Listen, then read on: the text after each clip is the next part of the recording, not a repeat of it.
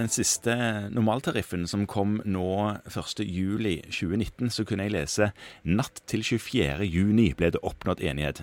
Alltid når det er sånn natt til noe, så tenker jeg at da da, når de ikke blir ferdig til klokken er liksom halv fire, da har de streva litt grann med å komme i havn.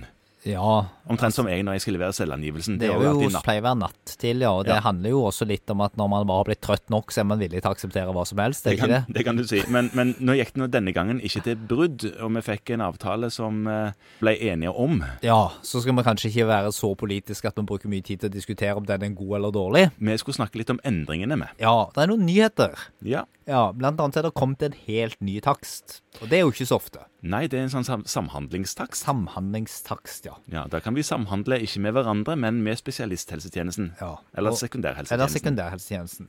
Den benevnes 1IJ, og er nå på 100 kroner. NJ.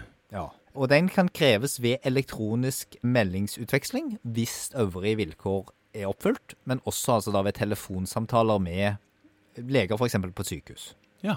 Konfereringer med de angående pasienter. Ja, det, det er òg da spesifisert at det gjelder jo ikke ved henvisninger. Nei, og det er det heller ikke når du sitter eh, og vil diskutere når pasienten Den kan ikke kombineres med en konsultasjonstakst. Nei. Nei. Så det er på annet arbeid, f.eks. i oppfølgingsarbeidet er dette tenkt. Altså Ja. tilleggsopplysninger ved pasienter som allerede er i et behandlingsløp. Ja, et får du eller en annet sted. epic krise du lurer på, eller et eller annet sånt som ja, det. Eller spørsmålet skal en justere denne opp eller ned eller fram og tilbake. Ja. Og Da er det også krav om at du må vite hvem du har snakket med.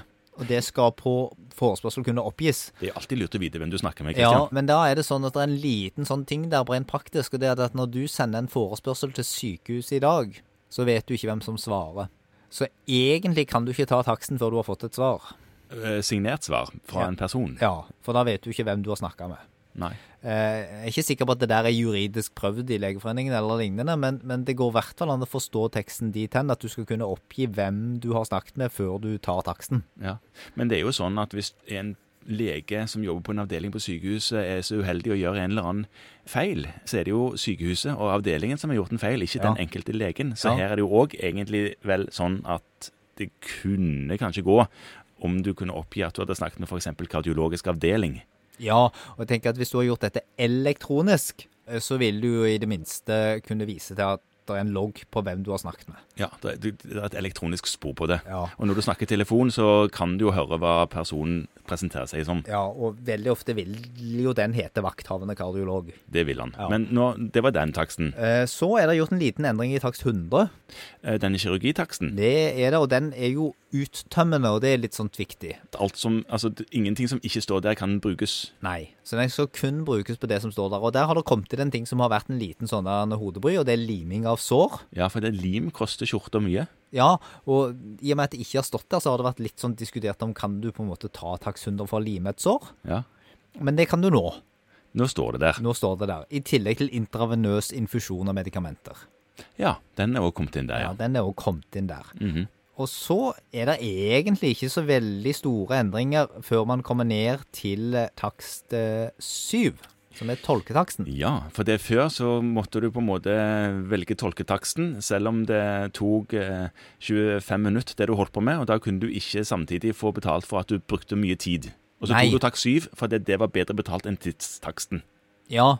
Nå er det sånn at nå kan du kombinere takst 7, altså tolketaksten, med Ja. tidstakst. Ja, for Eh. tolketaksten får du jo på grunn av knotet som oppstår ved den dårlige kommunikasjonen, eller den suboptimale kommunikasjonen, mens tidstaksten er en kompensasjonstakst som går på tidsbruken. Ja. Som en følge av det så har de redusert takst 7 noe, men allikevel så er det sånn at i forhandlingene så har de tatt høyde for at dette vil medføre en betydelig økning som er kompensert inn. Så dette er da midler til i forhandlingene. Det er klart at for veldig mange av oss er det sånn at disse tolkekonsultasjonene har i utgangspunktet tatt en del tid, og vil nå bli noe bedre og mer relevant honorert. Ja, fordi du kan ta begge deler, og ikke bare den ene. Ja. Ja. Ellers er det som vanlig noen sånn endringer i størrelsen på en del av takstene, men dette er på en måte de mest vesentlige endringene av takstene. Så er det en liten sånn presisering også på at 2AE Ja, den elektroniske kommunikasjonen. ja, den kan også brukes ved videokonsultasjoner.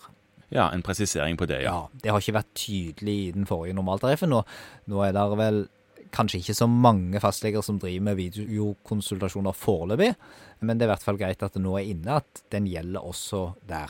Ok, Og de andre endringene de sa du var på hvor mye den enkelte I, i all hovedsak mindre endringer, mindre tekstendringer av forklaringene, og selvsagt rammene for en del av takstene er endra litt, grann, eh, men det går mer inn som en del av den generelle prisjusteringen.